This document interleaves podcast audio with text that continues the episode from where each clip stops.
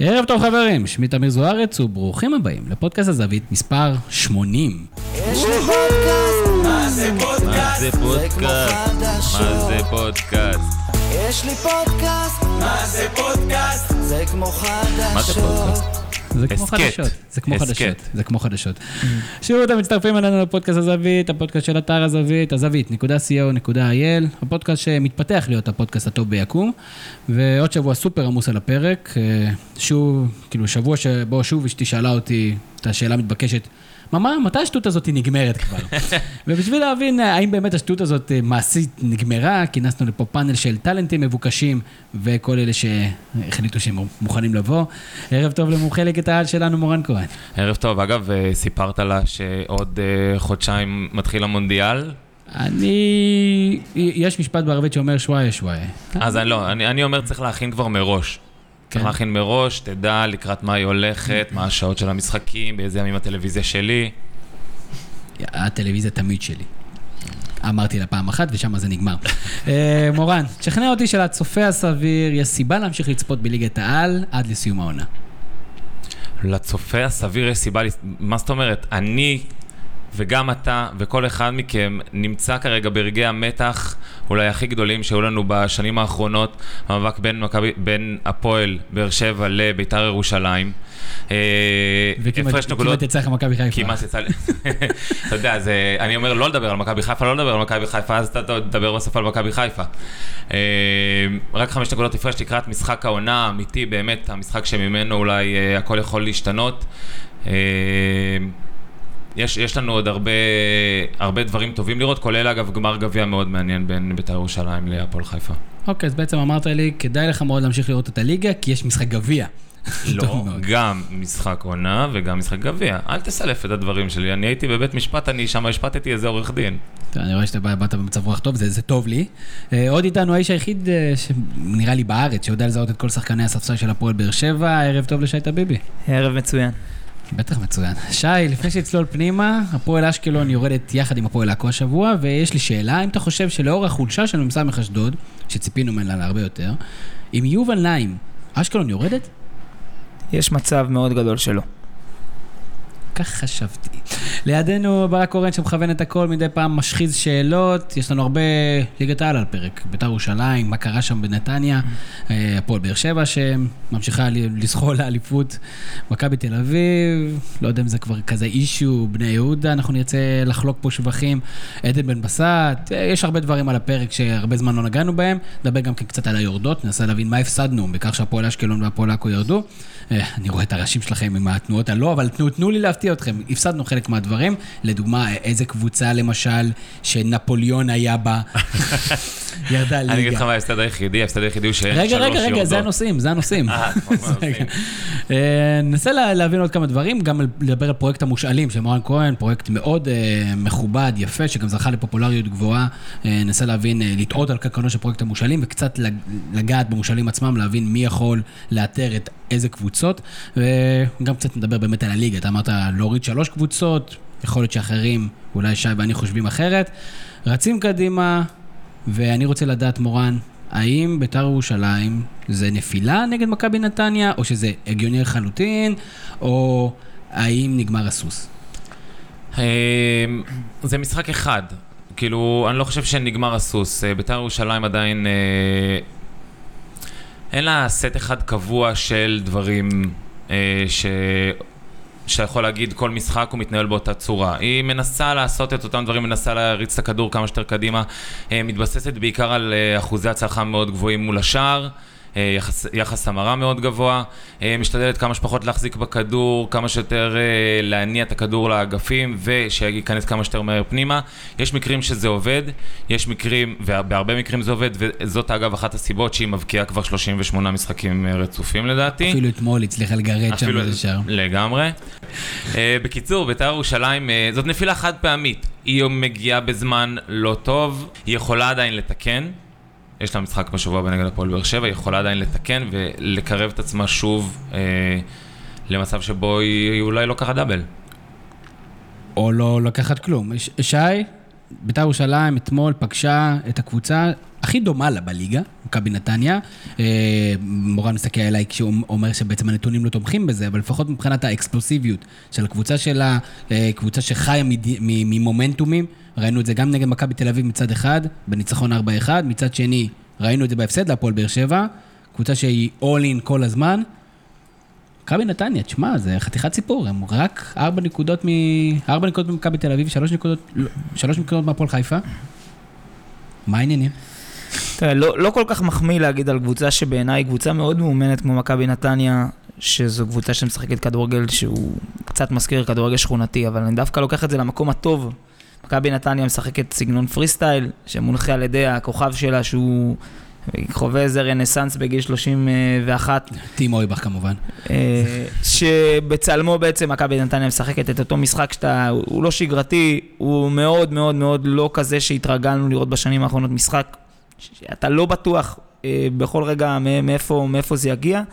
אה, קראתי היום משהו, אני בפעם שנייה פותח פה בציטוט שקראתי, אבל היום דווקא שמישהו קצת יותר מכובד מהקודם שציטטתי, שאמר שאם באר שבע הייתה מפסידה אתמול 4-1 לנתניה, אז כולם היו נופלים מהכיסא, אבל היה משהו בביתר ירושלים העונה שאתה אומר, אוקיי, ניצחתם, עשיתם עונה מדהימה, אתם עדיין עושים עונה מדהימה, ואף אחד לא ייקח אותה מכם, גם אם בעוד שבוע אנחנו נגלה שסיימתם בלי כלום, אבל דבר אחד בטוח, לראות את ביתר סופגת רביעייה מנתניה, זה לא משהו שאנשים שפשפו את העיניים, וזה מבחינתי הכותרת של המשחק הזה. כותרת יש לנו, מה לא עבד לבית"ר ירושלים? אה, מה שלא עבד לבית"ר ירושלים זה מרכז, אה, בעיקר מרכז המגרש. אה, קלאודימיר שם די שוטט אובד עצות, ניסה לרדוף אחרי ערן לוי, ואני לא זוכר אם עוד היה שם... דן גלאזר. אביב לא, אברהם. דן גלאזר היה נהדר. אברהם. דן גלאזר היה חופשי ללחוץ קדימה, היה צעד אחד לפני קלאודימיר. בדרך לשער של בית"ר ירושלים, בעיקר באמצע, בעיקר באמצע, שם נתניה ניצחה את המשחק. אני חושב שביתר עלתה עם איזה מין, אתה יודע, אני לא אוהב להשתמש בתירוץ הזה, אבל הסיפור של השוער המחליף, נראה שהוא חלחל כל כך עמוק, שראית את השחקנים בפאניקה, שמא יבעטו לשער, ומכבי נתניה זיהתה את זה מהרגעים הראשונים, ראית שערן לוי לא פגע במסגרת, אבל ירה מכל טווח, הניפו את הרגל מ-20 ו-30 מטר, אני חושב שהתוצאה גם, לא נעים להגיד, קצת משקרת. אה, אני מתחבר למה שמורן אומר עם מרכז המגרש, אבל יותר מזה, ביתר ירושלים, קבוצה שראינו אה, שמייצרת מצבי הבקעה באינטנסיביות גבוהה. למרות שהיא כבשה, אני לא זוכר איזושהי החמצה שלה, ביתר ירושלים לא הייתה במשחק בנקודות שהיא חזקה בהן, וזה התקפה. ואם ביתר ירושלים לא טובה בהתקפה, בהגנה לעולם לא היה לה מה למכור, לא לעולם, העונה לא היה לה בוודאות מה למכור. אם באת למשחק הכי חשוב שלך עד משחק העונה, כשאין לך מה למכור בחלק הקדמי, אז אתה לא במשחק. אני חושב גם, אני רוצה להוסיף למה ששי אומר, שאתה יודע שיש לך, שעולה שוער מחליף שלא שיחק ביותר מדי משחקים, וזה די, אתה זורק אותו קצת למים כל פעם מחדש, שזה זה משחק שישי שלו בסך הכל בשלוש שנים האחרונות, אז הייתי מצפה שהמאמן יגיד לקונט, אה, אל תעלה כל כך הרבה למעלה, אל תפקיר את הקו שלך. אה, כשיש לך על הקו את אה, ערן לוי או את קוגבניה, אז אל הייתי מצפה מבן זקן שכן ייתן איזה שהם דגשים להגנה, שכן לחזק אותה. הוא יודע שההגנה שלו יותר חלשה, הוא יודע שיש, נוצרים חורים אה, גם במרכז ההגנה של אוהדי סירושטיין וקחילה. ראינו כמה פעמים שקחילה במחזורים האחרונים הוציא כבר איזה שבעה כדורים מהקו לדעתי. כן. כאילו, אתה יודע שיש לך בעיה, אז תעלה עם מערך שמלכתחילה הוא אבל קצת אני, אבל יכול לעזור לה. קצת, אני רוצה קצת להתווכח על הסיפור עם השוער. אה, כנראה הגול השני, בסדר, יכול להיות ששוער עם קצת מיקום יותר טוב היה לוקח אותו, אבל... בית"ר גם הרביעי. כמו שאתה התחלת ואמרת, בית"ר ירושלים לא. הרביעי? ממטר נקחו לו? אני לא, זה לא. בתוך, אה, אה, כדור בתוך החמש, שוער צריך לקחת מקרן. כדור חד של ערן לוי, כדור אתה בתוך שוער לא החמש, לוקח. שוער צריך לקחת, ואם לא, אז אני לתת חולק כדי עליך, להכריע. המשחק היה גמור, בסדר? אני- אני חושב לא שזה- בגלל השוער. זה לא נופל אני ברמת שזה ה- תירוצים. הצלה, לא הצלה, זה נופל ברמת החוסר שקט שהוא הקרין על כל החלק האחורי, פלוס הקישור האחורי, ראית? אני... אנחנו חזרנו פה לאורך כל העונה על מנטרת העומק. העומק של בית"ר ירושלים, העומק של בית"ר ירושלים, היו חלק שחלקו ואמרו, יש עומק, כי הנה ורן עולה וכובש. עומק זה לא רק להרים מהספסל אה, שחקן בשלב אה, מאוד בתולי של העונה ולקבל ממנו את המספרים. עומק זה להגיע דווקא לדקות האלה ולהביא את השחקני אקס פקטור האלה. ואתמול כשביתר מעלה את בריאון או ג'ורג'ינו שלא שיחק כמה חודשים, ואת מביאה שוער שהוא חסר ניסיון למעמדים האלה, זה לא, לא ככה לוקחים אליפות. לא יודע, לא שוער, חבר'ה, לא שוער. כמו שאמרתם, מרכז המגרש, בית"ר ירושלים לא ייצרה מספיק הזדמנויות, לא הצליחה לצאת כפי שהיא אוהבת לצאת. מכבי נתניה קבוצה שנותנת לשחק. היא נותנת בדרך כלל, אתה יודע להגיע, אתה יכול לתקוף אותם, לא קבוצה שמשאירה המון שחקנים מאחורה, יש שם תמיד שלושה ארבעה שחקנים שנשארים למעלה, נכון. בנתניה עם הידיים למעלה. פשוט ברגע שאתה מאבד כדורים במרכז, וזה מה שהם עשו, איבדו המון המון כדורים במרכז, מהר מאוד אתה נענש, כי נתניה. קבוצה נהדרת. שכטר חלוד, וזה הנושא הבא. איתי שכטר, הנה, עכשיו אומרים, הנה, הוא חזר למרות שהוא לא חתם על חוזה, ברור שזה בעקבות זה שסילבסטר פצוע. ורן, שיחק, לא שיחק בשבועות האחרונים. ושום מילה על קלאודימיר, שאולי השחקן המשמעותי כן, שלהם בעונה הסדירה, שנראה כמו צל של עצמו בפלייאוף. יותר קשה נכון, בפלייאוף. אבל אני חושב ששכטר, כל העניין הזה שהוא לא שיחק חמישה משחקים, הוא מאוד תמוה בעיניי. אתה יודע, אני לא רוצה להגיד שיש עניין של אה, אה, חברות, ובגלל שהוא, שכטר הוא חבר של כל הפרשנים, ושל מי שנמצא מסביב אה, אמרת. לכדורגל הישראלי. אני לא רוצה לשים את זה רק על זה. אתה לא רוצה, אני אבל הדגשת את אני זה. אומר, אני או. אומר, אל תחשבו על הפיל. אבל... בגלל הפרשנים אתה אומר? שרק בגלל לא, זה הפרשנים לא, אז מעלים את זה? תקשיב, אז לא, אני אומר, יש איזושהי טענה של הפרשנים, של חלקם לפחות, אני לא רוצה את כולם, ששכטר לא שיחק אה, במשחקים האחרונים, ועכשיו כשהוא העלה אותו, אתמול עמרי אפק אמר הרבה פעמים, אה, הוא חלוד, איך אתה מצפה שהוא ישחק עכשיו, אחרי שחמישה משחקים הוא לא שיחק? בוא'נה, הוא לא שיחק חמישה משחקים, כי היה שם את סילבסטרי שהיה בתקופה מטורפת, אין בעיה. שתפר גולים מכל אין מקום. בעיה, אבל אז שנייה, כשמישהו נפצע לך, שנייה, צריך שנייה, אותו. שנייה, שנייה. תן לי כן, להשלים משפט, אני לא אני הולך לדבר הרבה, מסביר, תן לי אבל. אני מסביר. שנייה. ביתר ירושלים כל העונה, או בכל, לפחות בכל התקופה שבן זקן שיח, אה, מש, אה, הוא המאמן שלה, שיחקה ברוב המשחקים כשיש לה חלוץ אחד אמיתי. היו משחקים שבהם היא עלתה עם שני חלוצים, שזה היה בדרך כלל שכטר וורן, עד שהגיע אה, סילבסטרה, אבל מאז שסילבסטרה הגיע, בעיקר זה סילבסטרה ראשון, ורן מאחריו, או רק סילבסטרה. ז- זאת השיטת משחק של בית"ר ירושלים. כאילו, אין פה, שכטר ירד לספסל כי הוא נפצע, כי סילבסטר היה בתקופה נהדרת, וגם ורן, זה הכל. אז הוא חיכה בצד חמישה משחקים, זה בסדר גמור. סבבה. עלה כמחליף לכמה אין משחקים, לי בעיה עם הטענה, הכל סבבה. אבל לא. עדיין בשורה התחתונה זה נכון שהוא חלוד. מה, לא משנה מה הסיבות. בסדר גמור, מה לעשות? לרוטציה, זה מה לעשות, עושים רוטציה. אבל הוא ש- הוא עלה מחליף אתה באמת. חושב שזה אה, משהו מקצועי? שמה? שהוא לא שיחק בגלל סיבות מקצועיות? כן או לא? אני- כן- כן או לא? כן. בלי הסבר. כן, כן? כן. אתה שקרן. לא, באמת. דווקא דווקא אצלו, כן? אני, אני רוצה רגע להיכנס לנקודה שמדברים על שכטר כחלוץ, שחקן שעשה כמה דברים בכדורגל שלנו, וזה קצת מפתיע אותי להגיד על שחקן שלא שיחק חמישה משחקים שהוא חלוד. עלה פה עומר אצילי אחרי שלושה וחצי חודשים, מישהו שאנחנו עדיין לא עשה בקריירה מה ששכטר עשה, עם כל הכבוד.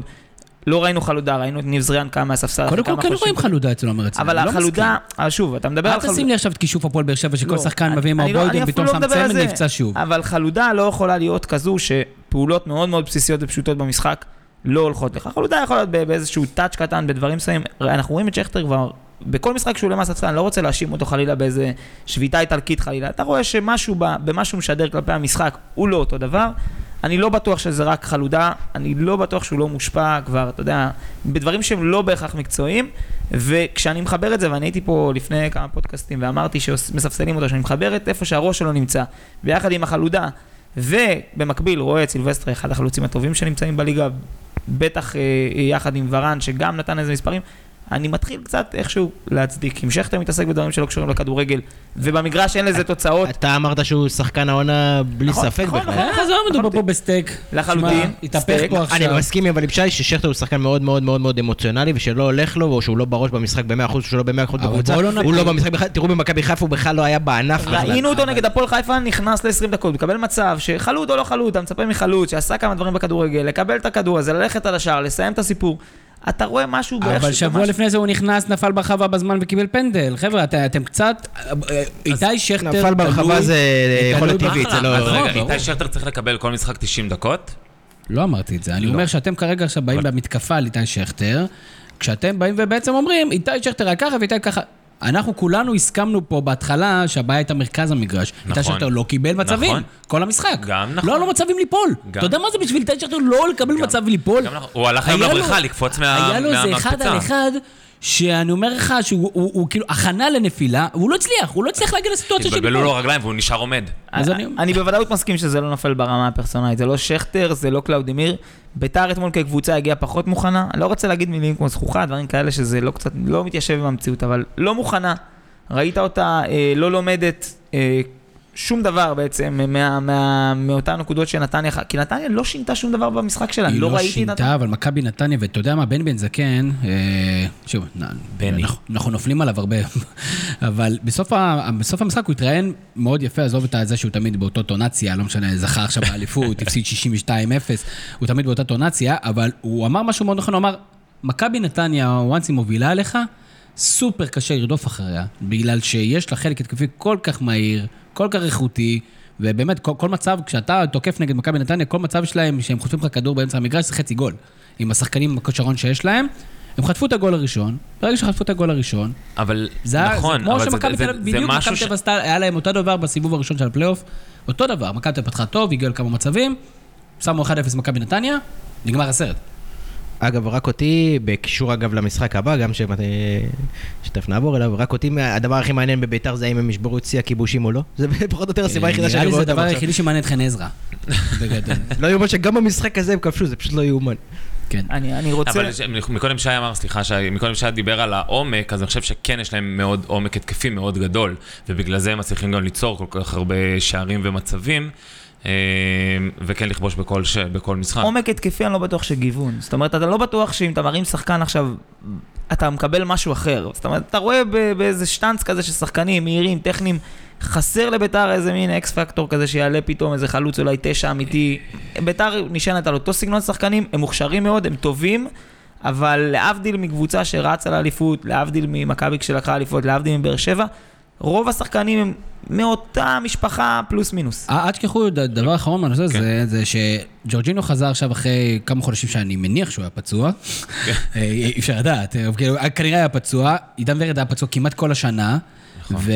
ושכטר היה פצוע בתקופה קריטית. זה, זה, לא קשור, זה, זה לא קשור, כי הם הגעתם למאני טיים במצב שזה כבר תלוי בכם, וזה לא משנה מי היה פצוע כן, לפני כן, המאזן הזה איכשהו הגיע למצב שזה תלוי. אני רוצה רק להגיד משהו אחד לזכות בית"ר ירושלים. מעניין כמה פעמים אנחנו נשמע אותך אומר. אני רוצה רק להגיד דבר אחרון. לא, אחרון באמת רק לזכות בית"ר ירושלים, אני חושב שצריך לזכור שבאיזושהי סיטואציה, כאילו בית"ר קצת נקלעה לזה שהיא נאבקת על האליפות. וכשאתה נקלע למצ- למצב הזה ואתה לא זה- נמצא שם מוכן מראש, זה נראה קצת אחרת.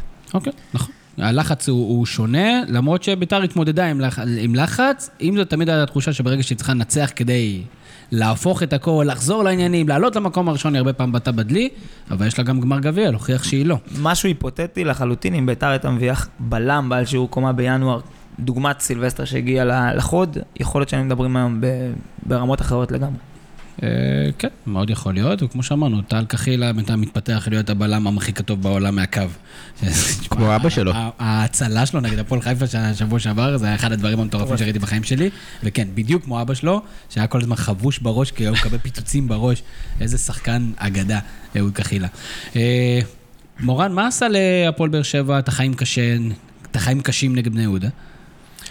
אה, הפועל באר שבע מאז אה, תחילת הפלייאוף אה, העליון, ברוב המשחקים בעצם למעשה שינתה קצת את סגנון המשחק שלה, היא פחות שולטת בכדור, יותר משחקת לעומק, ממש מוותרת על משחק המסירות, מעדיפה להתרכז בחטיפות. מעדיפה להתרכז בחטיפות אה, כדורים בשליש המרכזי והאחרון של המגרש, ומשם כאילו, אה, ומשם לתקוף את השער. אה, מה שקרה נגד בני יהודה זה שהיא פחות הצליחה לעשות את זה. יוסי אבוקסיס, שידוע כטקטיקן לא, לא קטן, הצליח בחלקים גדולים של המשחק כן לגרום לבאר שבע להניע את הכדור ללא כל תכלית ומטרה, וככה בעצם גם הגיעה חטיפת הכדור של אה, סתיו פיניש והשער הנהדר. ממש שער נהדר. אה, ובגלל זה גם הפועל באר שבע אה, לא הגיעה ליותר מדי הזדמנויות, גם כשהיא כבר שלחה את כל הכלים שלה קדימה, ברק בכר די לא, לא, קצת התאבד על המשחק, אבל אה, אה, זה לא עזר לו. תשמע, להתאבד על, על, על המשחק זה אחת ההגדרות המדויקות ששמעתי. יש את זה לקטע, יש קטע כזה לבכר, הוא כל כך מאמין ביכולת התקפית של הקבוצה שלו, שהוא פשוט מפקיר לחלוטין את ההגנה במצבים של תיקו, שעדיין אתה עם משהו ביד. אני מסכים, אני גם לא הבנתי כל כך את המהלך. אני חושב שבאיזשהו מקום הוא אמר שבני יהודה תוקפת ברמה כזו, או במספר... היא שולחת מספר שחקנים קדימה, שהוא חשב שאפשר להתמודד עם שניים או שלושה שחקנים מאחורה ולפרקים נשאר שם בלם אחורי ו- וכולם רצו קדימה לתת גול. אלישע היה אוהב את שיטת ה... אני בפיגור, אני מכניס שמונה חלוצים. אה, גם שוטה- גם שוטה ארבלדזה. בכר אימץ, לא מתאים לו. אני אגיד משהו על אה, בני יהודה, אני, אני לא אוהב את סגנון המשחק הזה, אני לא יכול חלילה להגיד עליו משהו רע, כי, כי זה, זה כנראה הכלים וככה צריך לשחק, אבל בני יהודה, להבדיל מנתניה, באה, מה שנקרא, היא בהחלט לא רוצה להיות uh, תפאורה, אבל יש גם גבול ל, ל, לכמות ה... אני, אני לא מתחבר, אני לא מתחבר, אני מעריך את העבודה של, אה, של אה, אבוקסיס כטקטיקן, אני חושב שבני יהודה בטח ובטח לא אמורה להיות בשר התותחים של הפלייאוף, אבל גם סגנון המשחק, ה- ה- אני לא רוצה לקרוא לזה הבונקר החסר פרופורציות הזה אתה יודע. מה, אני, אני, יכול- אני רוצה לחלוק עליך. אני חושב שדווקא במשחק הזה, בני יהודה הייתה קרובה יותר לנצח מאשר הפועל באר שבע בעיניי, והגיעה למספיק. מצבים שלה. אבל זה מיצג שווא, כי אתה, אתה לא... אתה לא קרוב לנצח כי היית טוב. אבל למה, לנצח- כשהפועל, אבל למה כשהפועל באר שבע מעניקה את השליטה בכדור למכבי תל אביב או הפועל חיפה או בית"ר ירושלים זה בסדר וזה לא בונקריסטי, והפועל באר שבע עשתה bunkering גם אני חושב תל שאם אביב, תבדוק בטח כמה מאז דקות. נטו שיחקו במשחק הזה, וכמה... אה, מה, מבחינת בזבוזי זמן? בזבוזי זמן ומריחות כאלה קטנות, והמשחק לא זרם, בני יהודה בא, מה שנקרא, לקחת את הנקודות מבחינת, עשתה את זה כמה פעמים העונה, אין לי שום תלונה, שוב, אני אני לא מתחבר, לא אוהב, אני מבין מאיפה זה גם מגיע, בני יהודה, קבוצה, בסוף, מבחינת סגל שחקנים, החלשה ביותר בפלייאוף, בפער, ואתה, אני כן יכול להבין את הנקודה, אני פשוט לא מצליח להבין למה כשאתה כבר, אין באמת על מה לשחק, למה לא כן לקחת שחקנים כי- כישרוניים כמו יונתן כהן, כמו צ'יבוטה, לתת איזה חופש. אני חושב שבני יהודה יכולה לנצ... להגיע למצבים לא כתוצאה מאיזה חטיפה והתאבדות בריצה קדימה. הרשה לי לא להסכים, אני חושב שבני יהודה הייתה אני- טובה, אני מסכים שיחקה לגמרי. טוב, יצאה מצוין קדימה. היא שיחקה בהתאם שיחקה ליכול- למגבלות שלה ולמה שהיא יכולה לא, אבל היא לייצר. לא הייתה בונקריסטית, היא לא, לא, יצאה עם לא. המגנים למעלה, ממש לא. היא תקפה יפה נכון. באמצע, אה, הקשרים שלה, שוב, סתיו פיניש נתן שם משחק על אוגו מדהים, ואם צ'יבוטה ויונתן כהן קצת יותר מרוכזים, וחיימוב ויובל אשכנזי, פחות, תשמע, אה, יובל אשכנזי שחקן, כאן מעולה. כן. יכלו לנצח את המשחק, חי- חיימוב פשוט כרגיל, נכון. בהופעה טובה ויציבה. מבחינת מצבים אין ספק. נכון, אבל זה- מה אתה רוצה, שהם ישחקו בשיטת משחק שלא תביא להם אה, מצבים? אני רוצה להגיד משהו בקשר לזה, כי זה נכון. כדי ששי יבין משהו. הרבה פעמים אה, בני יהודה מש- משתמשת בשיטת המשחק הזאת של אה, ללכת קצת אחורה, לתת לקבוצה השנייה להחזיק בכדור, להתמסר, ואז לצאת במהירות, לחטוף כדורים, לצאת במהירות קדימה, להעביר את הכדור קדימה כמה שיותר מהר. כשהיא עשתה את, את, את שיטת, כשהיא השתמשה בשיטת המשחק הזאת, היא השיגה הרבה יותר ניצחונות, הרבה יותר נקודות. אה, מאשר במשחקים בהם היא שלטה בכדור, היא ניסתה לייצר מצבים אה, דרך הנאה מסודרת, דרך העברה של הכדור מהגנה לקישור להתקפה, זה עובד לה הרבה פחות טוב. זאת השיטה שעובדת הכי טוב לבני לא, יהודה ולחומר... זה ברור. הוא פשוט אומר שלדעתו זה לא יפה, ואני חושב שדווקא במשחק הזה, בשונה אולי ממשחקים אחרים, שבהם היא מעיפה כדורים אה, לצדדים, זה לא היה מקרה בעיניי. אני לא חושב שהפעם הם לא... אני חושב שבני יהודה ניסו לנצח. אני כאילו, בטוח הם לא שניסו לנצח. בזבזו זמן. אני נתנו בטוח להם- שהם נתנו ניסו להם לנצח. לגמרי את ה... הקרקע לנצח הייתה מוכנה, באר שבע רצה קדימה, לא היה מקום יותר נוח לתפוס אותם. תשמע, אני אה, לא יודע מה המקום ברחבה לכל השחקנים ההתקפיים שבכר זרק שם. ומנגד עמדו שבעה או שמונה שחקני הגנה של בני יהודה. ויציאה מהירה מאוד, הלוואי למכבי תל אביב יציאה כזאת. שוב, זה. מהמקום, זה מה- מכבי תל אביב יכולה ממש לקחת את אותם שחקנים שנמצאים שם ולהשתמש בהם, נכון, ל- לדוגמה, 80% מהם הם שחקני מכבי. אני רוצה להדגיש עוד נקודה, מאור קנדיל עשה עבודה נהדרת על אה, טוני וואקמה, שדווקא נכנס לכושר בזמן האחרון, ואפילו נכנס להיות קפטן לליגת הוובי שלי, והשם ו- ייקום דמו. והתוצאות, והתוצאות ניכרות.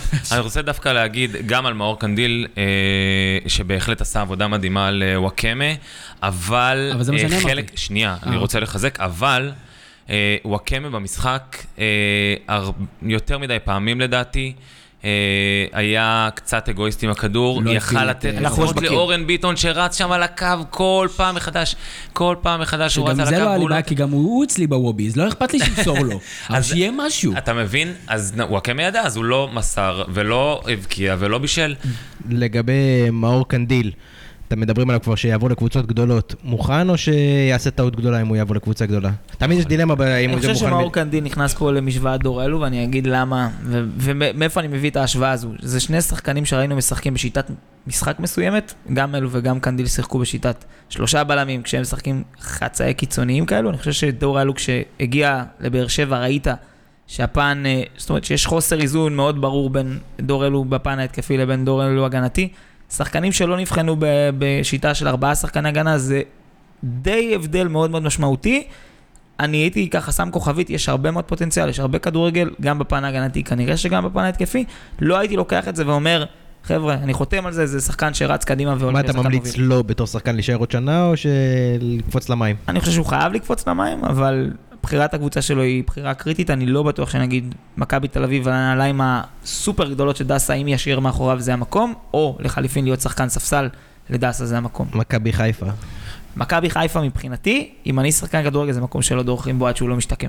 אז אה, תשמע, אני מבחינתי מאור. קנדיל, לפי התיאוריה שלי, שאנחנו נשחק שנה הבאה, אנחנו, מכבי חיפה תשחק שלו שנה הבאה עם שלושה בלמים, מאור קנדיל צד ימין, סן מנחם צד שמאל, יש לנו הגנה פצצה. סן מנחם צד שמאל? כן. היית מחזיר אותו לגמרי. מהשאלה? לגמרי, שורף בכלל? את הקו. הוא כן, הוא? מושאל, מושאל, אחי, מושאל. כי חשבתי שהעבירו את זה. מקום שני בפרויקט המושאלים, האם אתה רוצה לעבור לפרויקט המושאלים? אה, טרם. אני רוצה באמת, אה, בוא נדבר קצת על אה, משחק העונה. אני אקח את, אצלק את עדן ממסת איתי ואמשוך את ה... אקח אותה לברסט. בוא, בוא, בוא נרוץ להימורים, עזבו אתכם, מה אתם, אל תתחילו לי עכשיו לנתח לי, הם יעלו ככה, יעלו ככה, כי אנחנו בכלל אנחנו יודעים שאנחנו לא יודעים מה הוא יעשה. בני בן זקן, אנחנו יודעים בדיוק מה הוא יעשה. אז מה יש לנו עכשיו לנתח את זה?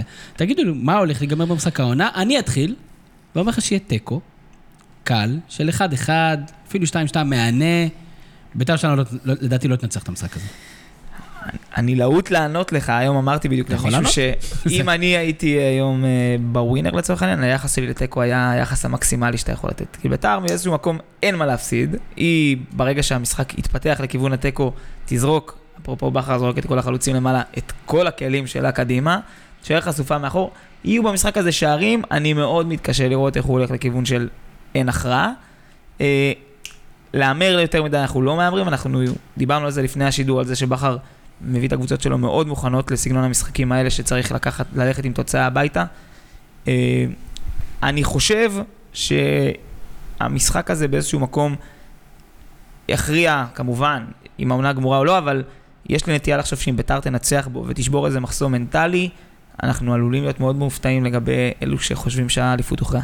יש גמר גביע אחרי זה, שיקול או שיקול, משנה לביתר, לא משנה לביתר, שחקנים, לשמור שחקנים. אנחנו לא כבר מבינים משנה שהוא לבית"ר. משנה. אנחנו כבר מבינים שהוא משנה. עם סילבסטרה, אני מניח, בלי גמר גביע היו עושים איזשהו מאמץ נוסף כדי כן להשתמש. ביתר חושבת... אני חושב שהדיבור היה שהוא הולך להיעדר תקופה ארוכה. אני חושב שנכון, אני חושב שתמיר צודק. אמ, אני דווקא חושב שכן יש איזושהי, אה, יש איזה צורך לנסות לראות מה מתכננים המאמנים, בעיקר בעיניי ברק בכר, כי כמו שראינו, אה, ברק בכר, בהתאם ל... ליכולות של הקבוצה שלו כרגע, לשחקנים שיש לו כרגע בקבוצה, עובד לו מאוד טוב לא לשלוט בכדור. וגם בית"ר, מן הצד השני, זו קבוצה שלא אוהבת לשלוט כדור. אה, לשלוט בכדור.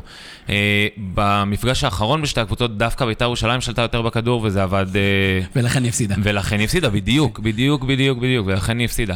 אה, השאלה אם ברק בכר יצליח אה, למשוך, לעשות את זה שוב, לדעתי כן, רק בגלל הלחץ, כביכול, זה משחק של, משחק ההזדמנות האחרונה של בית"ר, בבית שלה, בטדי, אה, איצטדיון מלא בלי מזרחי כנראה.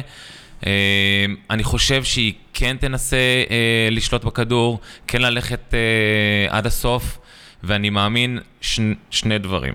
הראשון, זה יהיה המשחק הראשון שבית"ר ירושלים לא תפקיע, כן, והשני שהפועל באר שבע ינצחו.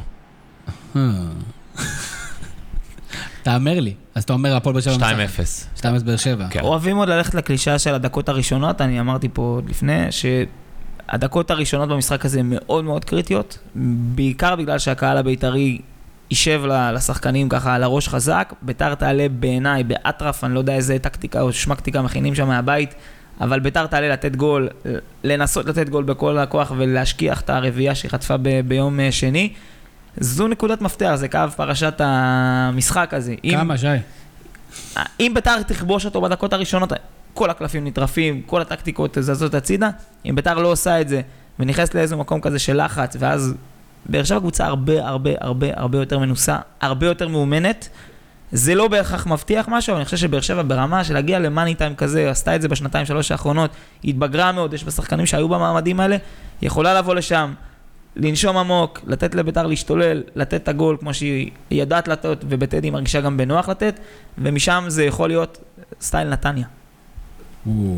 אז זאת אומרת, הליגה כן גמורה, אתה סתם- מבלבלים את השכל. אם אתם כולם חושבים. ברק, מה לי אתה חושב? קשה דווקא לראות את באר שבע מפקיעה במשחק הזה. מבקיעה. מפקיעה, ואני... מבקיעה או מפתיעה? מפקיעה, אוקיי. ואני מאמין ש... וגם לטובת הליגה, יותר נכון, אני רוצה ומאמין שביתר תיקח את המשחק הזה. לא רואה סרט כזה. אני למה אני- לא? אני מאוד אופתע. למה גם נתניה חטפה משחק קודם והביאה בראש משחק אחרי זה? היה- הפלייאוף הזה משוגע לא, לא לחלוטין. בגלל שהיא הפסידה. אני חושב שגם כן אם ביתר הייתה מנצחת את נתניה, היא לא הייתה מנצחת את הפועל באר שבע. לא יודע, אני, ביתר השנה ידע לי, לבעוט בכל מוסכמה ובכל אה, היגיון בריא. אני עם ביתר במשחק הזה. אתם מכירים את האלה עם הכישורים הלא רלוונטיים? אה, אפרופו בועטים במוסכמות, הפועל אשקלון יורדת ליגה. אה, אני רק באמת רוצה להבין, אה, הפלייאוף התחתון הזה באמת הוא אחד המשמימים שפגשנו אי פעם. המשחקים באמת, אני ניסיתי לראות השבוע את קריית שמונה נגד מכבי חיפה, שתי קבוצות עם חומר שחקנים לא רע, אפילו שי אמר לי, אחד השחקנים המעניינים בפלייאוף התחתון הוא אסלבנק. שלא עשה כלום במשחק, פשוט כלום במשחק, ופשוט לאף אחד אין על מה לשחק שם, עכשיו גם שירדו הקבוצות האלה, אז בכלל, האם אנחנו לא מפספסים בכל זאת אשקלון מבחינת, אה, אתה יודע, יש שם את משומר בכל כל זאת. ירדו, כן, יש שם את משומר, ושתי קבוצות מהפריפריה ירדו, אחד מאשקלון, אחד מהצד השני מעכו, הליגה הזאת היא לא הופכת להיות יותר מדי מרכזניקית. לא אני פחות מתעסק בזה, כי דיברנו לפני השידור על רשויות מקומיות, וקבוצות שמוחזקות על ידי עירייה, כמו עכו ואשקלון, אין להן זכות קיום בליגת העל מבחינתי, אני יודע שגם חדרה עולה וממלאה את, ה, את החלל הזה שאחת מהן משאירה, אבל הייתי שמח אם היינו נפרדים מהמודל הזה, זה מודל לא מוצלח, דיברנו למה הוא גם לא מוצלח, אני, אין, בי צער, אין, אין בי צער לאבד את שתי הקבוצות האלה. בטח לא במקרה של עכו, שהיה שם כל מיני פאנקי ביזנס וכל מיני דברים מוזרים שהם לא צריכים בכלל לשחק בליגה מלכתחילה. זה היה שם, שם איזה, הכל לכאורה אחד גדול, אבל הכל שם פחות, איזה- פחות בריא. נכון. איזה סרג'ו קונסטנצה הליגה- שהגיע. הליגה, הליגה הפסידה, אה, העיר עכו הפסידה, הקבוצה הפסידה, יש רק מישהו אחד שהרוויח הרבה שחקנים שיישארו בליגת העל. טה-טה-טה-טם. אגב, סתם שאלה, יש לזה דיון- דיון פנימי עם כמה חברים, אני תכף אגיד את דעתי, תגידו את דעתכם, נעשה איזה הימור קטן, ניפגש שנה הבאה. אה, רייכרד יישאר בליגת העל או לא? אני אומר, בקלות הוא נשאר בליגת העל, אפילו שלא מגיע לו בשום צורה שהיא. אתם? נשאר קל. ברור. יש לי אפילו- יש לי אפילו קבוצה? בשבילו. חוזר לפועל? מה? סכנין. יש- יש את ה- הולך להחליף את חאלד חלילה. הטענה הרווחת אה, אצל חבריי זה שאין סיכוי שהוא נשאר בליגת העל. נשאר קל. אני גם טוען. אם, קודם כל, לדעתי יש מישהו שמשלם לו את החוזה עדיין, אז למה לא להשתמש בעוד שחקן בסגל? אה, אני, אני, יש לי תשובה, למה לא להשתמש בו כשחקן בסגל, אבל אני, אני מאמין שהוא כן אה, ייקח, כן יישאר. מעניין אותי איזה שחקנים שירדו ליגה, אנחנו נראה בכל זאת בליגת העל בשנה הבאה. אה, אין לי ספק שאנחנו נראה את אה, גבי קניקובסקי, אה, שירד עם הפועל עכו וגם נרכש, אחרי שהוא היה מושאל על ידי מכבי תל אביב, הוא נרכש על ידם בינואר. אבל אין לי ספק שהוא ימצא קבוצה בליגת העל. שער ענק השבוע נגד מכבי פתח תקווה. פשוט שער גדול. בן כן. בן הז'ובל. אה, בן הז'ובל גם ימצא לעצמו קבוצה, אין לי ספק, נגיד, יכול להיות שהוא אחת מהעולות. יש נקודה שמלחיצה אותי בעניין השחקנים שנמשיך לראות בליגת העל. אני, אין לי פה שום מספרים מולי או שום אה, שמות, אני רק ככה ב... על פי זיכרון יש שחקנים באשקלון שאני כבר זוכר אותם יורדים כמה וכמה פעמים ליגה, אם זה לוגסי והסמיליאניץ', לוגסי לא פעם לא- ובנבנישתי. לוגסי אף פעם לא ירד ליגה. לא ירד עם נתניה לפני שנתיים? אני חושב שכן, אל תתפסו אותי, אני חושב אה, אז שכן. אז אל תתפוס אותי במילה ויכול להיות שאתה צודק. אז אני, אז סער בן בנישתי שירד עם הפועל, וסמיליאניץ' עזר שירד. בוא נגיד את האמת, הפועל אשקלון באמת ירדה ליגה כבר בעונה הקודמת. בוא נגיד את האמת. אה, השנה זה פשוט הפך להיות רשמי. אה, שנה הבאה, בוא נגיד את האמת, גם, גם אשדוד ירדו השנה באמת ליגה, שנה הבאה זה יהיה רשמי. או, אז אפרופו אמת, בואו נעבור לפרויקט המושאלים. ומורן, אתה עשית... שם אין אמת אחת. שם אין זה. אבל פרויקט המושאלים, פרויקט שתחזקת, ארבעה פרקים, אה, בעצם ניתחת את המושאלים בכל חוליית ההגנה, קישור אחורי, קישור התקפי וחלוצים. ומה דלית בפרויקט שלך? קודם כל, אה, בוא ניתן את הכבוד למי שמגיע. אה, אריאל אבני, יקירת המערכת, הזווית, היא זו שבעצם העלתה את הרעיון לבחון מה קורה עם השחקנים המושאלים. אה, בכלל, אה, התמקדנו כמובן בליגת העל, כי לגבי אה, ליגה לאומית הרבה יותר קשה למצוא את הנתונים. מצאתי מספר דברים מעניינים. קודם כל, יש לא מעט מושאלים בליגת העל, רובם ממכבי תל אביב, 14 מושאלים ממכבי תל אביב, שזה אומר הרבה לגבי מחלקות, מחלקת הנוער שלה בשנים האחרונות. דיברו הרבה על העבודה של ג'ורדי קרויף עם הקבוצה הבוגרת, אבל אנחנו רואים שיש פירות גם לעבודה בקבוצת הנוער. אה, למרות שהיו שם הרבה בעיות, אה, גם היו איזה שנתיים שלוש שהם לא זכו באליפות, אה, אורי אוזן היה שם ואז עזב. זה המבחן? מה, מה זאת אומרת זה לקחת המבחן? אליפות. לא, לא, ממש לא. בגלל זה, אני אומר, הדיבור היה על זה שהם לא לוקחים אליפות, וגם היו שם כל מיני בעיות ניהוליות לגבי המאמנים. אה, אבל אנחנו רואים שיש תוצאות. שיש, אה, שיש שחקנים, 14, 14 שחקנים של מכבי תל אביב שמושאלים לקבוצות ליגת העל ונותנים תוצאות ונותנים מספרים ובהחלט אה, הם חלק לגיטימי לחלוטין מליגת העל. והאם הם יהיו שנה הבאה בליגת העל בקבוצה אה, לא מושל, לא יושאלו שוב? חלקם לפחות כן. בוא נמנה ש- אותם. דן גלאזר לדעתי אין ספק חוזר למכבי תל אביב. יש שם איזה קטע עם החוזה, שאני חושב שלמכבי נתניה יש איזו אופציה לרכוש אותו. אה, אני, אני, אני, אני בטוח שבמקומות האלה של אופציות ועניינים כאלה אפשר להגיע לעמק השווה כדי לקבל אותו בחזרה. אה, אני לא, לא יודע לגבי חוזים, אבל דן גלאזר, אם יש למכבי תל אביב אפשרות להחזיר אותו, אין לי ספק שהוא יחזור. נגיד ברסקי, אני... אולי מכבי תל- אביב תחזיר אותו כדי לבחון אותו במשחקים, אבל אני לא בטוח שהוא מתאים לסגנון המשחק של מכבי תל אביב. כמו שדיברנו מקודם על מאור קנדילי, הוא מתאים לסגנון משחק של קבוצות עם ארבעה, עם ארבעה בהגנה, בהגנה ולא חמישה. גם ברסקי אה, הרבה יותר מתאים לדעתי לקבוצות אה, שמתגוננות יותר, שה, שהקבוצה השנייה שולטת בכדור. יש כן, ב-. רק במכבי תל אביב איזה כוכבית קטנה שמאוד מאוד מאוד מאוד תלוי מי יהיה המאמן. אם זה מאמן שבא מהליגה או מכיר או קצת עקב, זה משהו אחד. שזה זה סיכון נמוך מאוד. מא- סיכוי מאוד נמוך, ואם זה מאמן זר שלא יודע בכלל על מה מדובר ויראה איזה שלוש קלטות, זה משהו נכון. אחר לגמרי. אני, אני, קודם כל, אני, אני חושב שכל המושאלים באופן אוטומטי חוזרים uh, לקבוצה והם כן מתחילים להתאמן איתה, ואז כן, אם יש מאמן, הוא יכול לראות. חוץ מזה, שאני מניח שג'ורדי קרויף כמנהל מקצועי ומאמן, כן ישאיר איזושהי רשימה. גם בוא נראה, תזכור שדור פרץ התחיל בקבוצה הבוגרת בתקופת uh, אם הוא משאיר. רשימה, אז הלך על טיבי אגב, סתם אה, כוכבית. אה, אה, לא הלך עליו בגלל שיש לו חוזה אותו- שאין מה לעשות השאיל. אותו להפועל חיפה והחזיר אותו אה, כשחקן יותר בוגר. אליאל פרץ גם התחיל כשחקן, עכשיו הוא מושאל, כנראה הוא יחזור. המשחק הזה בין לחזור לקבוצת האם שלך ואחר כך להיות מושאל שוב הוא משחק שקורה, לפעמים גם נשארים. אין, אה, תראו גם סתם, רז מאיר היה מושאל ממכבי חיפה להפועל אשקלון, חזר למכבי חיפה ומשחק, לא בעמדה לא טוב, לא משנה, אבל משחק. רק בגלל המצב של הקבוצה. מהפחות גרועים של מכבי חיפה. ושהוא משחק רק בגלל המצב של הקבוצה, אבל לא משנה. ואני רוצה להגיד עוד משהו אה, לגבי פרויקט המ- המושאלים באופן כללי, אה, חוץ ממכבי תל אביב, זה בני יהודה ויוסי אבוקסיס, שמצליח לקחת שחקנים שהם די, בוא נגיד, אה, בוסר, לא שלמים, אה, לא באמת אה, בעלי ניסיון רב בליגה, ומצליח לייצר מהם שחקנים לגיטימיים, שנותנים תוצרת, נותנים מספרים. מאוד חשובים במערך של הקבוצה שלו, שמתאימים מאוד לשיטה. וגם גם מתאימים מאוד לשיטה. אגב, דיברנו על זה עם אה, איציק אה, ששו, אה, מה שיפה בבני יהודה שקודם כל הם לקחו את זה כשיטה, והם, מזכיר לי את ימיי כמנג'ר על במשחק המנג'ר, שהם מבססים על, שחקני, על שחקנים מושאלים, הם מצליחים לחבר אותם למערכת ולקבוצה, והם הם לא נראים כשחקנים מושאלים, שזה בעצם... דבר מדהים. כן, יפה, אה, וכל הכבוד להם על זה. למרות שזה בתור נכון.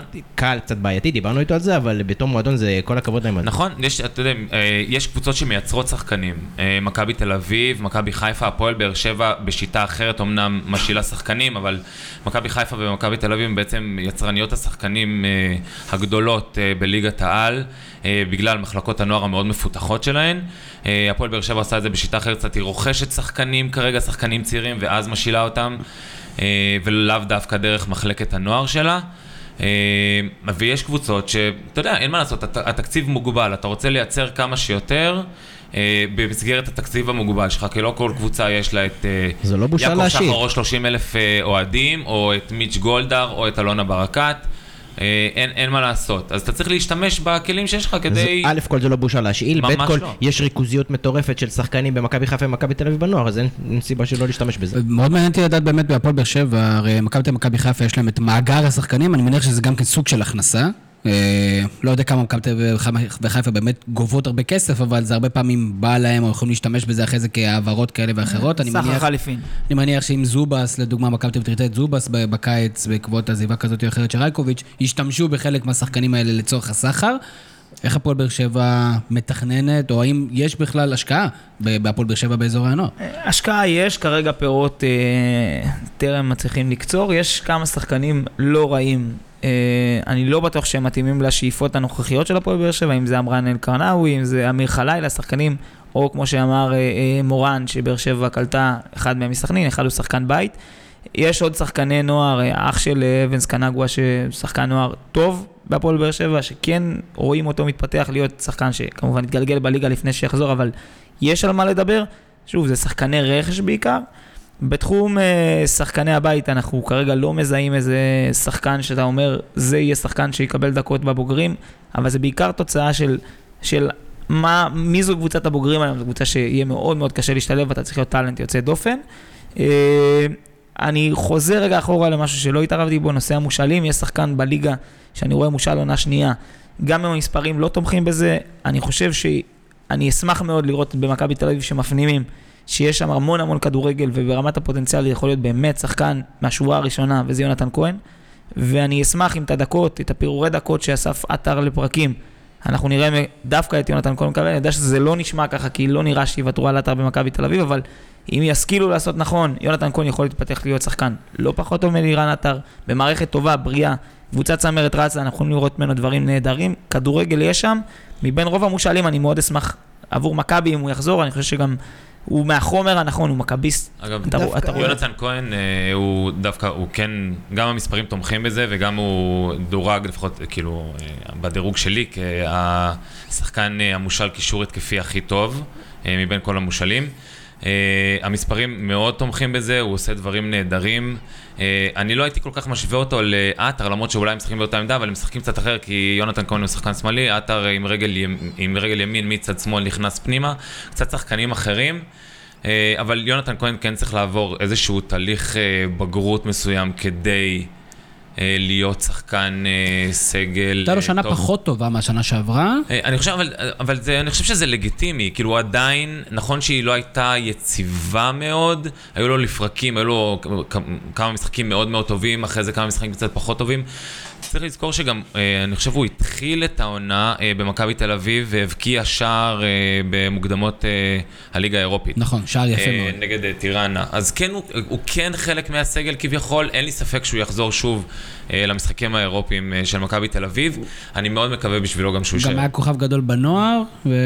תעזרו לי שנייה, יש לי תמיד את ה...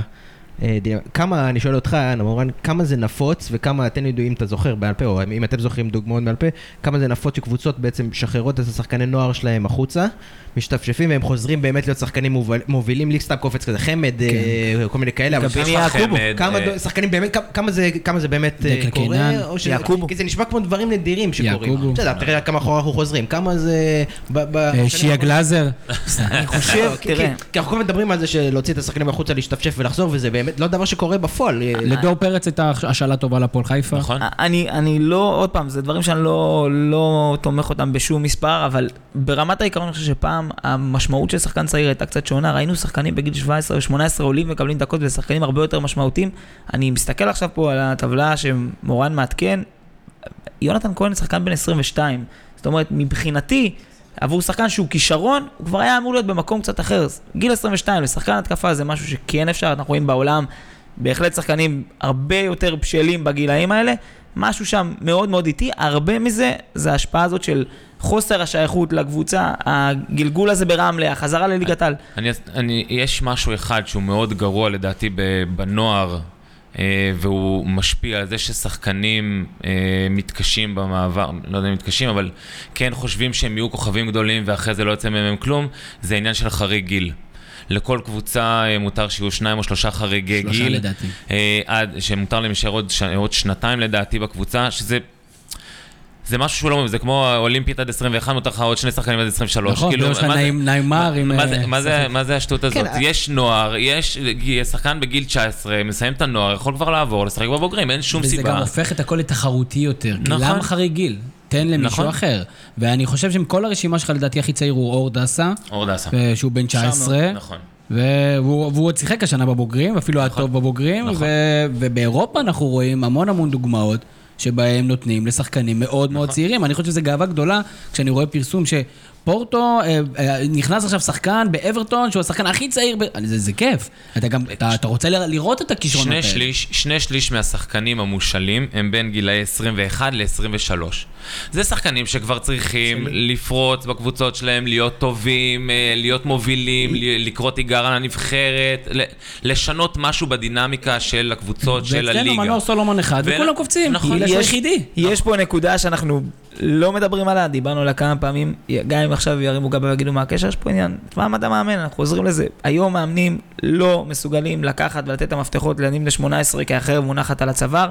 בכל הקבוצות, או ברוב הקבוצות, מאוד מאוד קשה לשלב שחקנים צעירים, וזה מתחיל לחלחל מפה למטה. אני לא רוצה ללכת קצת אחורה, אבל חוסר יציבות בעמדה הזו, חוסר יכולת לתת את המפתחות לילדים צעירים, אני חושב שאם היה איזשהו ביטחון כזה, עזבו מקומות שאין ברירה, היינו רואים הרבה יותר שחקנים משתלבים. מכבי חיפה, אין כמו לחזור למכבי חיפה תמיד, קבוצה של השחקנים, שחקני הבית, יש לא מעט שחקנים מושאלים.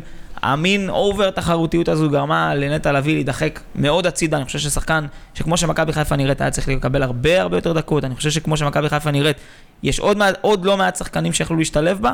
יש היום לחץ כזה להביא את התוצאות כאן ועכשיו. אני לא מדבר על השלושת הגדולות, אפילו בקבוצות הקטנות, אפרופו תורג'מן שהולך הביתה באופן תמוה, יומיים לפני משחק שאין בכלל, על, על מה ולמה. זה דרך זה- אגב, יוסי מזרחי נראה לי גם היה מושאל וחזר, לא? אה, הוא הוא בהשאלה חוזרת כבר שש פעמים. אגב, אני שוב, אני חוזר לאותו שאלה ששאלתי מקודם, כי זה אותו דיון בכלל על, על, על דבר הזה שנקרא השאלה, אני לא... שוב, אני, אף אחד אף אחד לא בחן את ההצלחה של הדבר הזה, והאם זה מנגנון בכלל שעובד. אולי לא צריך בכלל להשתמש אני- במנגנון אני- הזה. אתה אמרת למשל, אני, בחו- בחוויה שלי, שוב, שחקן שהוא לא ממש צעיר, אבל שחקן שהוא, שהוא יוצא להשאלה, בוא ניקח דוגמה, סן מנחם כזה. קשה לי, קשה לי ל, ל, להכיל את ה... או לקבל את העובדה שהוא יכול פתאום, שהוא היה לא טוב, יצא להשאלה, הוא יחזור פתאום להיות טוב, או יחזור לשחקן אחר ממה שהוא היה, כי אתה אמרת שאתה רוצה, דיברנו מאחורי שאתה, אולי סן מנחם כן מתאים לך. קשה לי פתאום, פתאום שהוא יהפוך להיות שחקן על מהשנת השאלה הזאת. אני, אני, לא רוצ, אני לא רוצה להצדיק רגע את העניין של סן מנחם, כי לי יש מחשבות אחרות על סן מנחם, אה, בקשר ליכולת שלו שנה שעברה, אבל אה, הפתרון של העניין הזה של המושאלים הוא טוב לא רק לקבוצות המש... ה... שבהם השחקנים גדלו, אלא גם לקבוצות שמשאילות אותם, אוקיי? שלוקחות את השחקנים. זה אה, מגדילות את הסגל שלהם בלי להגדיל את התקציב, ומגדילות את איכות השחקנים שלהם בלי להגדיל את התקציב יותר מדי. הם, אה, הקבוצות הופכות להיות יותר תחרותיות, אז זה טוב גם לליגה, זה לא טוב רק לקבוצה אחת ספציפית. בסדר, אבל בסופו של דבר כל שחקן הוא אינדיבידואל, ומעניין אותי לדעת מה מכבי תל אביב תלמד מכך שהיא משאילה את מאביס צ'יבוטה, שחקן כישרוני בפני עצמו, לקבוצה שמאוד מתאימה למאביס צ'יבוטה כמו בני יהודה, אבל לא בהכרח אחרי זה, זה סגנון המשחק שהוא, שהוא ייתקל בו כשהוא יחזור למכבי תל אביב. מה אפשר ללמוד, ואם אני ממשיך את מה שברק אמר, מה אפשר ללמוד מהשאלה הזאת בכלל? ומתי מגיע השלב שאתה מוותר? מתי מגיע השלב שאתה משחרר את השחקן, ואתה אומר, אוקיי, תשמע, יש פה, יש. פה ש- שני אחרי שחקנים, שנתת. שני שחקנים מושאלים בני 31, נכון. מה עושים איתו? רוצים לארוז אותו? לא, אה, זה איזה תשמע, עניין של זכויות פנסיה? מרסיץ'- לא, מרסיץ' אה, לא לא היה חלק מהסגל של בני יהודה, הוא הושאל כי לפנות הם כבר. רצו פשוט לפנות מקום, בדיוק, והוא פשוט הלך לסכנין. שישחררו אותו.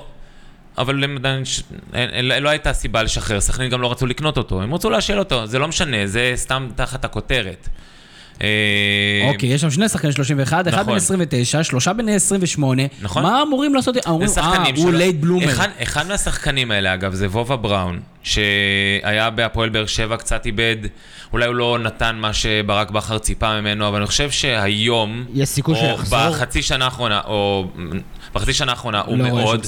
מאוד היה חסר להפועל באר שבע, ויכלה, וברק בכר היה יכול להשתמש בו בהרבה מאוד משחקים, בגלל הפצועים, בגלל ההרחקות.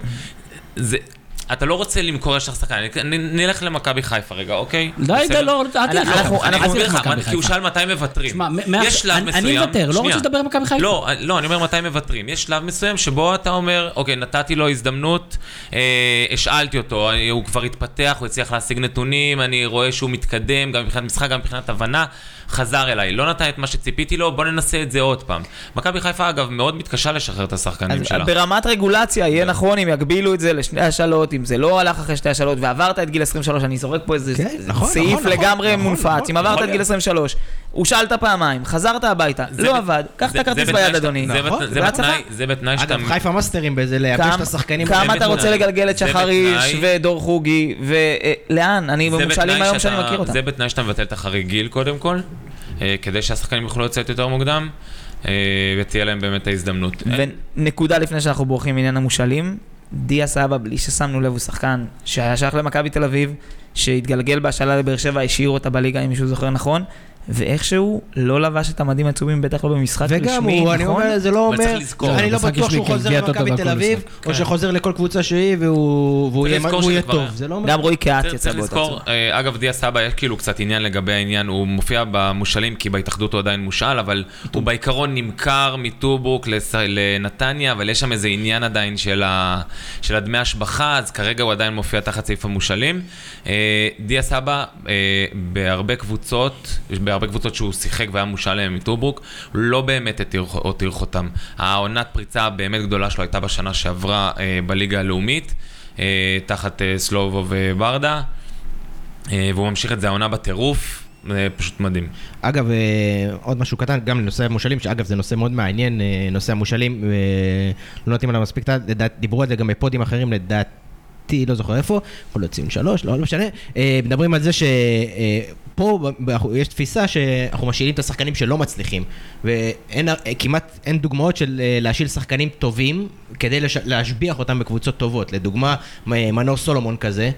אין, אין, כאילו, זה אפילו לא עולה במחשבה שמישהו להשאיל אותו למכבי חיפה. אני לא בטוח. שזה לא עולה במחשבה, ואני גם לא בטוח אם אתה לא תראה את זה קורה, כי מכבי פתח תקווה. שעון החול שלה למכור את מנור סלומון מתחיל לדפוק, הוא כבר לא כזה צעיר כמו ש... אני, אומר, אני מאוד מקווה, אה, אה, השאלה בכיוון הפוך, כלומר, שקבוצה קטנה משאילה לקבוצה גדולה, אה, זה כמעט לא קורה. קרה עם בניון. השלוש קבוצות, היחידות שלא, אין להן שחקנים מושאלים, זאת מכבי תל אביב, מכבי חיפה והפועל באר שבע. מכל 14 קבוצות ליגת העל. מכבי תל אביב לא? השאילה את סושיץ', לא, אני טועה. לא, הוא מדבר על לא, לא, שחקנים. זה יכול-. לצמצם סיכונים, זה יכול לצמצם פלופים, משאיל שחקן מפתח תקווה, מה שזה לא יהיה. הצלחת, אני קונה אותך, לא הצלחת. זה לא מתאים בקונספט לקבוצות הגדולות, אלא אם זה מין איזה סולומון, כזה מנור סולומון עם- אופציה, זה לא מתאים? בקונספט. עוד משהו שאנחנו לא רואים, עוד משהו שאנחנו לא רואים, ורואים את זה הרבה באירופה, זה השאלה עם אה, מכירה חוזרת, או מכירה עם מכירה חוזרת. שזה סוג של השאלה, רק יותר, יש יותר אינסנטיב לקבוצה הקולטת, יש יותר אינסנטיב גם לשלב אותו, ואנחנו לא רואים את זה, ויכול להיות שגם זה סוג של גם- מכשיר פיננסי גם שנתחיל מי- לראות בהמשך. אה, אולי, למרות שאני חושב שאצלנו בארץ מעדיפים אה, לחשוב על אה, רווח אה, עתידי אה, ב- מבחינת אה, מכירה לאירופה ולא מכירה בתוך ה...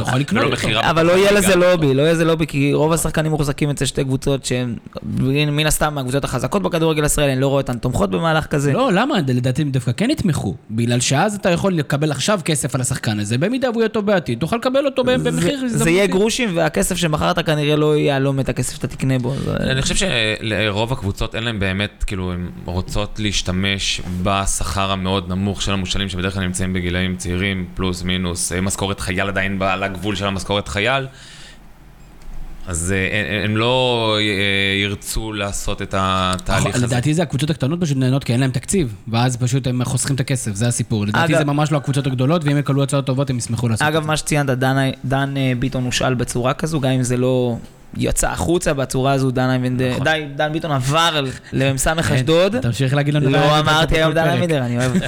דן אה, ביטון עבר למ"ס אשדוד, עבר פורמלית בהשאלה, באופן עקרוני בהשאלה. בהשאלה, כשבאר שבע, אם תרצה אותו בחזרה, תצטרך. אגב, אשדוד. זה קבוצת הנוער של הפועל באר שבע, אז... אה, כן.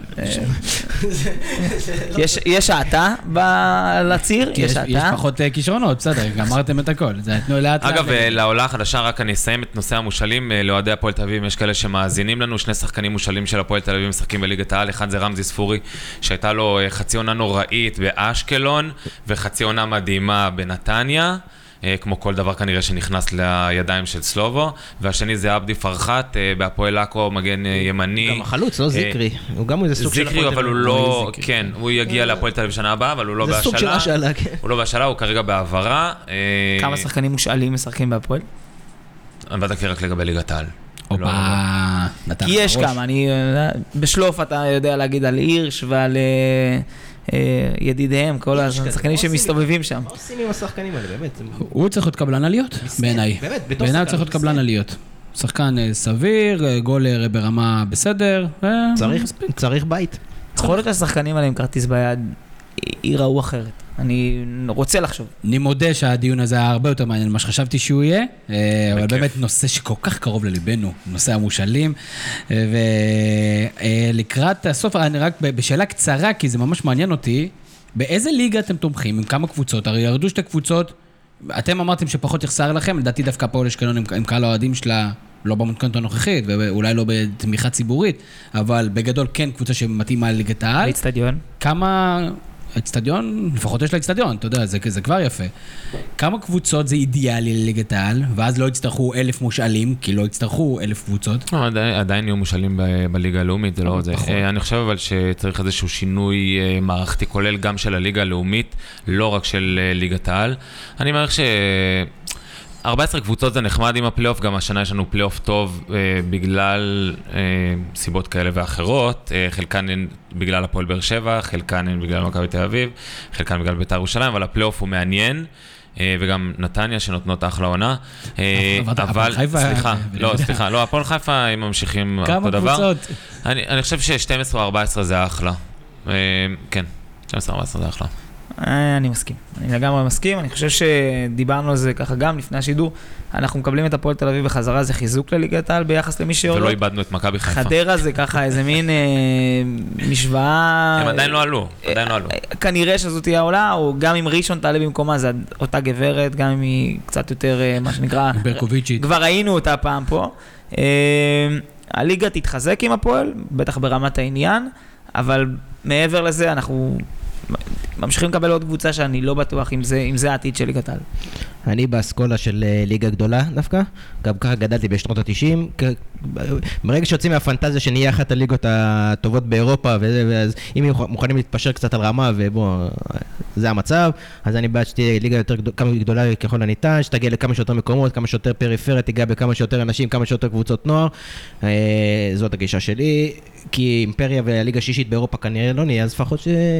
שנראה כדורגל בחדרה. אגב, דיברנו על זה, אנחנו מתחילים להשלים עם זה שהפועל רעננה זו קבוצת ליגת העל לגיטימית למרות הכוכביות. אגב, עשו בינואר מהלכים לא, מדהימים. בסדר, כדי זה ש- מקצועית, אבל שאלה אם קבוצה עם אה, מעט מאוד אוהדים ללא איצטדיון ביתי, יש... לא, בני יהודה, או יש להם בני- יהודה, אבל זה שכונה. כנראה שהם בני- יהודה, יש. מבחינת המסורת שלה, מסוגלת ל... אנחנו מדינה. קטנה, אין פה ערים, אה, כמה ערים גדולות יש פה? לא, זה לא קשור לייצג עיר. אני אומר שיש לה קהל. בני יהודה בגמר גביע הביאה... אם היום רעננה בגמר גביע, היא עדיין תביא אלפיים איש גג.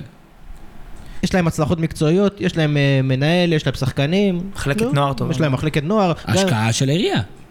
מה? לא, רעננה לא קבוצה עירונית. לא? בבעלים מי? של לא. אה, אשר אלון, אשר, יחד עם... סליחה, אתה אה, צודק, נכון. דמיאן. אני- לא, אבל אני חושב שהקבוצת נוער, אני חושב שהקבוצת נוער כן אה, לא מקבלת תמיכה בסדר, מהעירייה, אבל זה לגיטימי. מעירייה זה לגיטימי לגמרי. אני גם בעד, דרך אגב, כמו, כמו ברק, ל- לעלות אפילו 16 קבוצות, מבחינתי אפילו יותר, מבחינתי שיהיה בטן, שתהיה תחתית, שהן נלחמות כל שנה, ושתהיה צמרת, אתה יודע מה, אני אפילו אשמח לראות את הפועל באר שבע, מכבי תל אביב ו- ואת אה, מכבי חיפה מתפרעות על קבוצות קטנות. בדיוק, זה כיף. וכאילו, כן? יותר כיף לך גולים. לתת 8-0?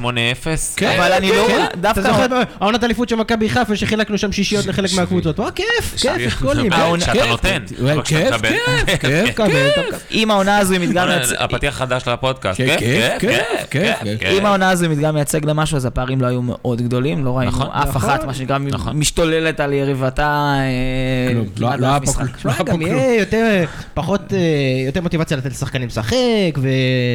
אבל שוב, זה חייב לבוא עם איזשהו שינוי גם של הליגה הלאומית, לא רק במספר, אלא גם במהות שלה, במה אנחנו רוצים שהיא תעשה, הליגה מה הלאומית אנחנו רוצים בעיניי שהיא צריכה תהיה. להיות ללא זרים. ברור, לגיט, ברור. כולנו מסכימים על זה. רק חריגי גיל. לא.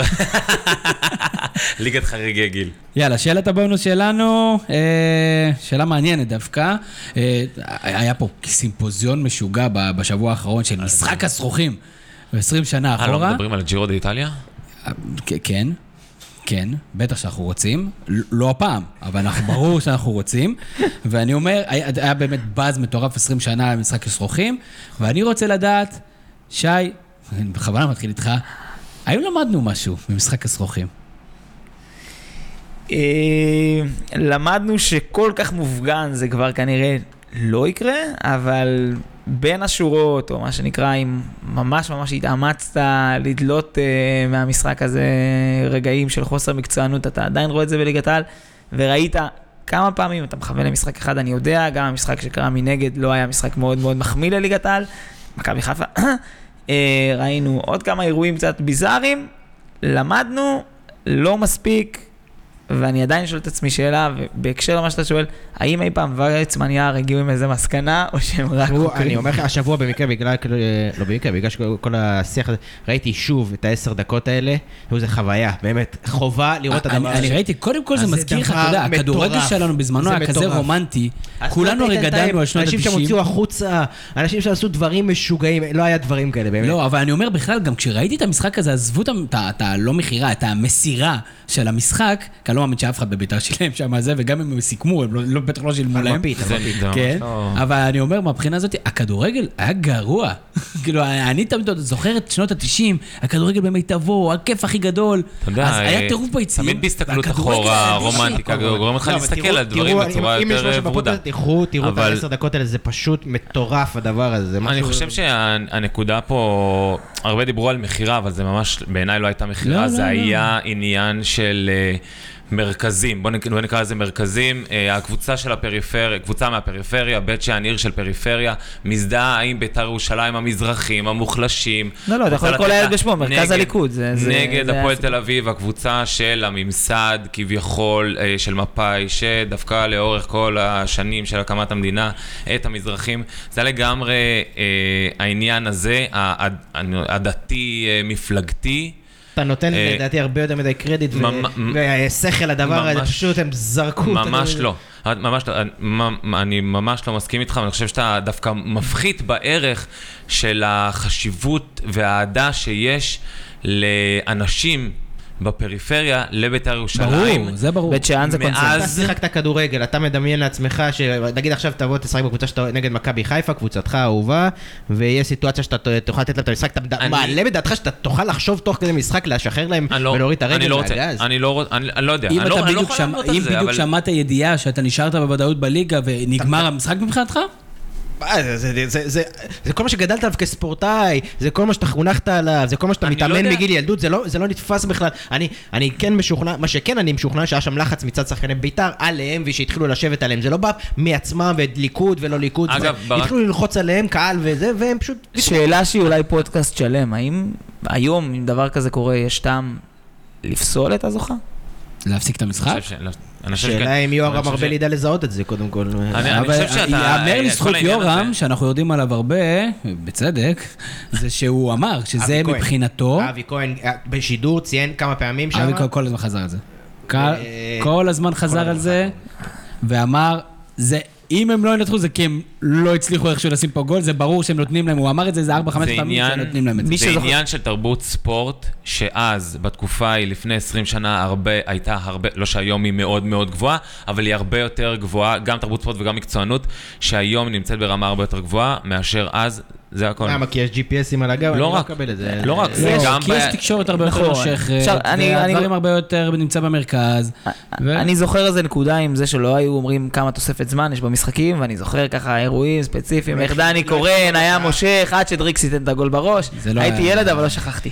בסדר, אגב. עוד משהו קטן בנושא, הזה, כל השיח הזה ושהכל התעורר, אני לא יודע בדיוק את הפרטים, אבל זה היה שם איזה תחרות בין כל הגורמי תקשורת, מי- מוצא ראשון, מי זה, זה התחיל להתנפח השבוע, זה כאילו, כאילו זה קרה אתמול, זה קרה לפני 20 שנה, וזה נהיה איזה דרמה בגלל שיש איזה מאבקים בין הגופי תקשורת, מי יצא עם הפרסום הראשון, אחרי זה יצאו וואן, יצאו ספורט 5, יצאו כל כאלה, זה גם כן יוסיף לכל הב- האירוע הזה שעדיף שי- שיישכח ולא להזכיר את זה פעם אחרי פעם.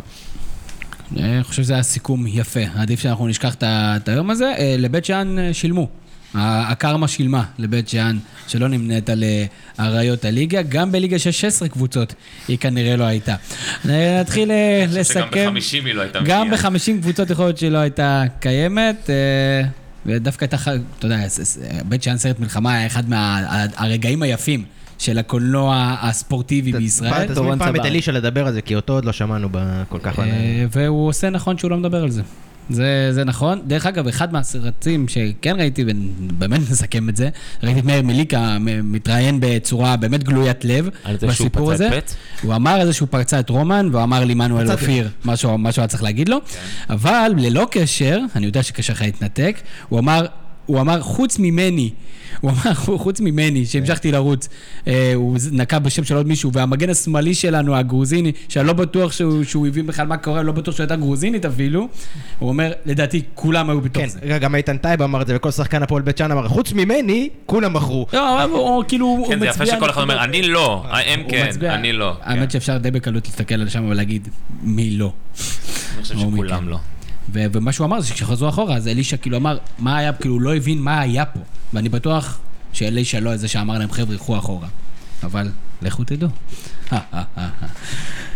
טוב, אני רוצה להתחיל להיפרד מכם. שי ביבי, אה, נאחל לך בהצלחה במשחק העונה.